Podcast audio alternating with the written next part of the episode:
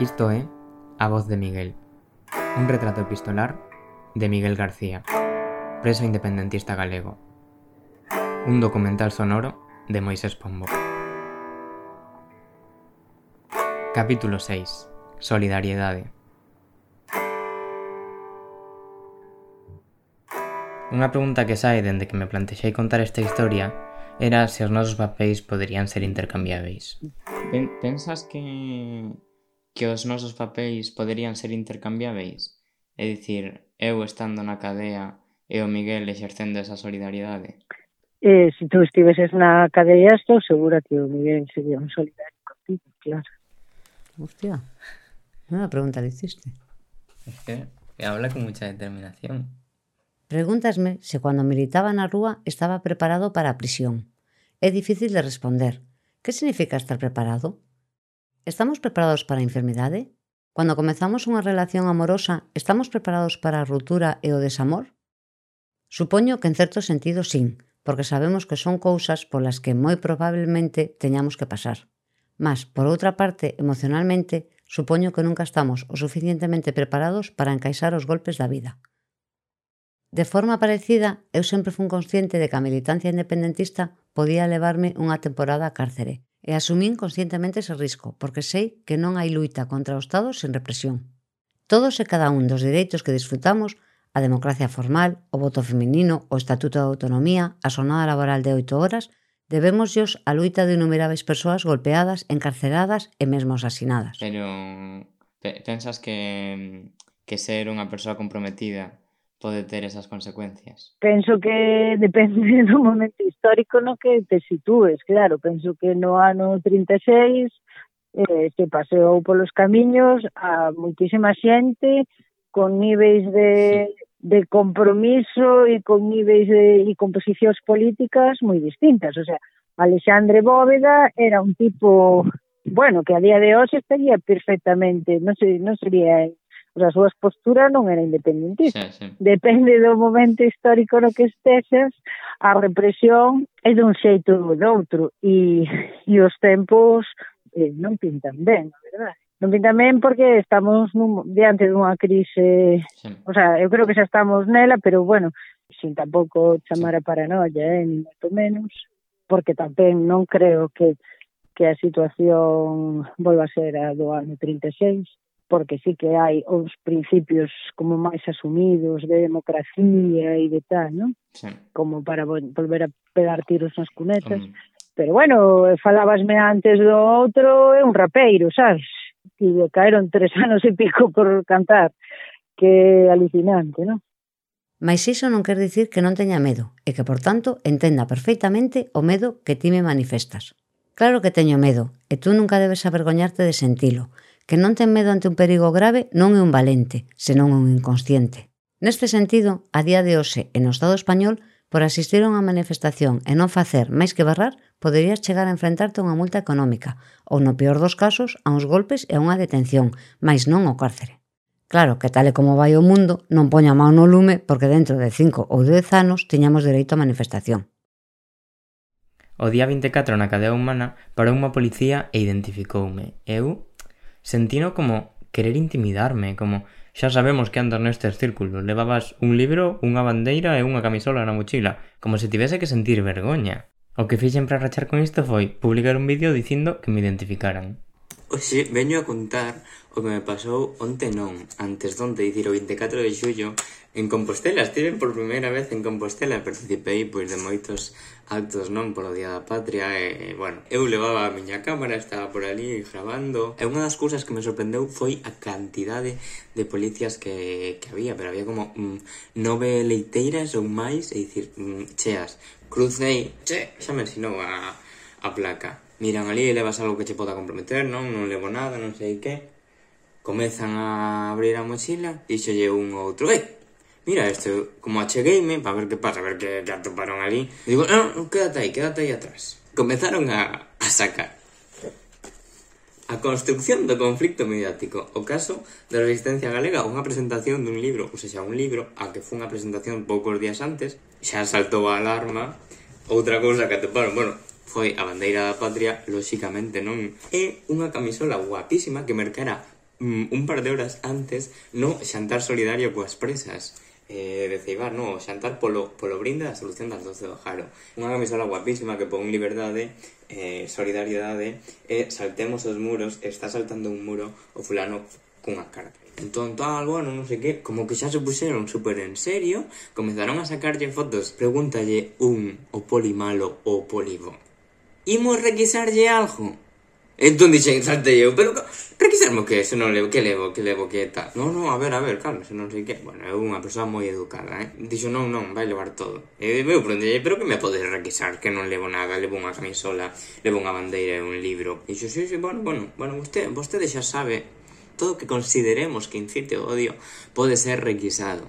Pero bueno, que estiven, pasei un día espectacular. Vémonos. Cheguei reventado, pero pagou moitísimo a pena. Entendo que no comunicado dixerades que botabades a vista atrás e pensabades nos días da patria da mocidade para coller forza. Posinatura. Vexo cun eixo do relato que teño entre mans é a solidariedade. Mais, que para ti a solidariedade? Que diferenzas hai entre solidariedade e caridade?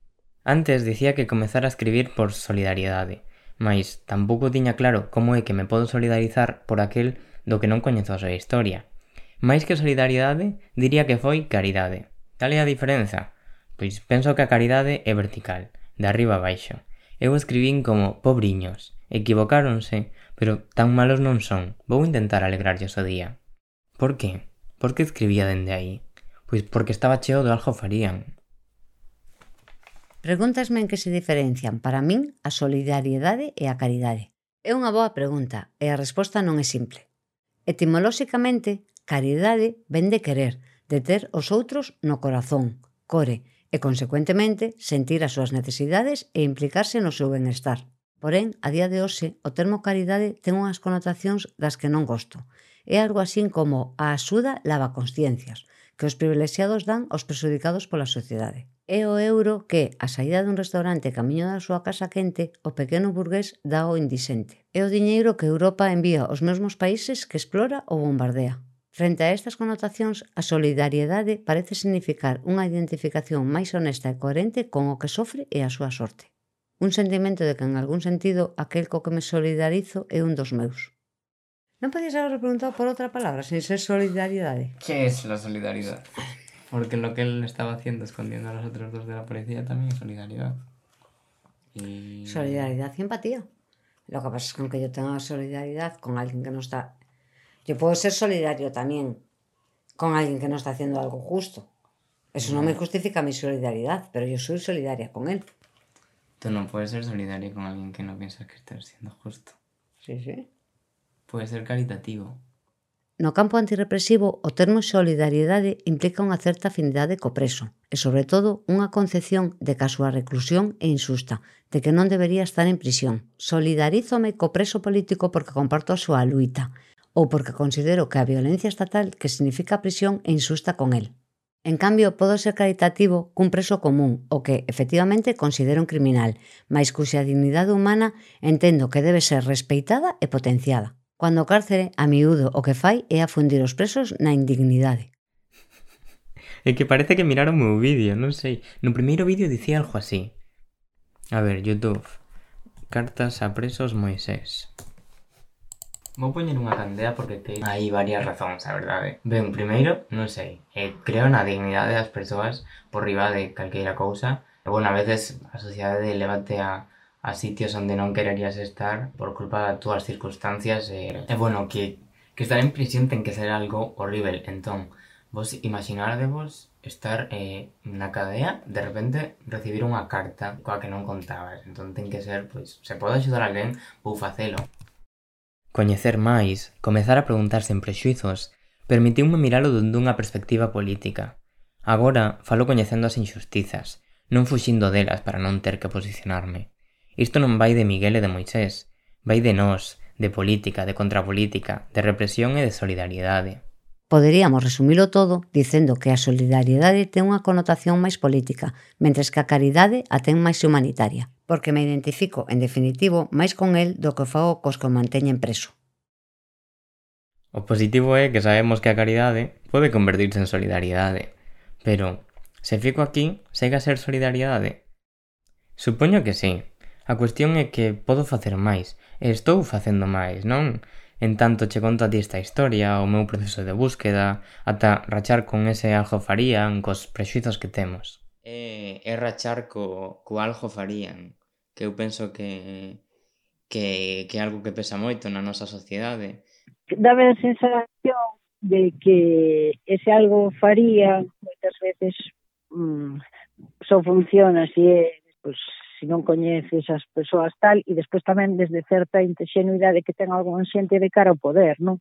Porque mm, eh, algo farían, claro que algo fixeron, pero cual é a razón de que fagan, non? Porque se si tú consideras que todo está ben así como está, pois eh, pode ser malo eh, que alguén faga algo, pero que se si tú es consciente de que todo como está así, facer algo tampouco está errado, non? Sí. Sabes, quero decir que se algo farían depende un pouco, que igual hai que facer algo, non? Eh, esa, é esa cuestión, non? É, é unha boa reflexión, igual hai que facer algo. Ela di que algo hai que facer, pero ata onde hai que chegar e se paga pena todo isto son cousas as que me responde no seguinte capítulo. A voz de Miguel é un documental sonoro autoproducido e autoeditado por un servidor, Moisés Pombo. Podes atopar máis información, contidos e as transcripcións ao castelán en cartasacadea.gal.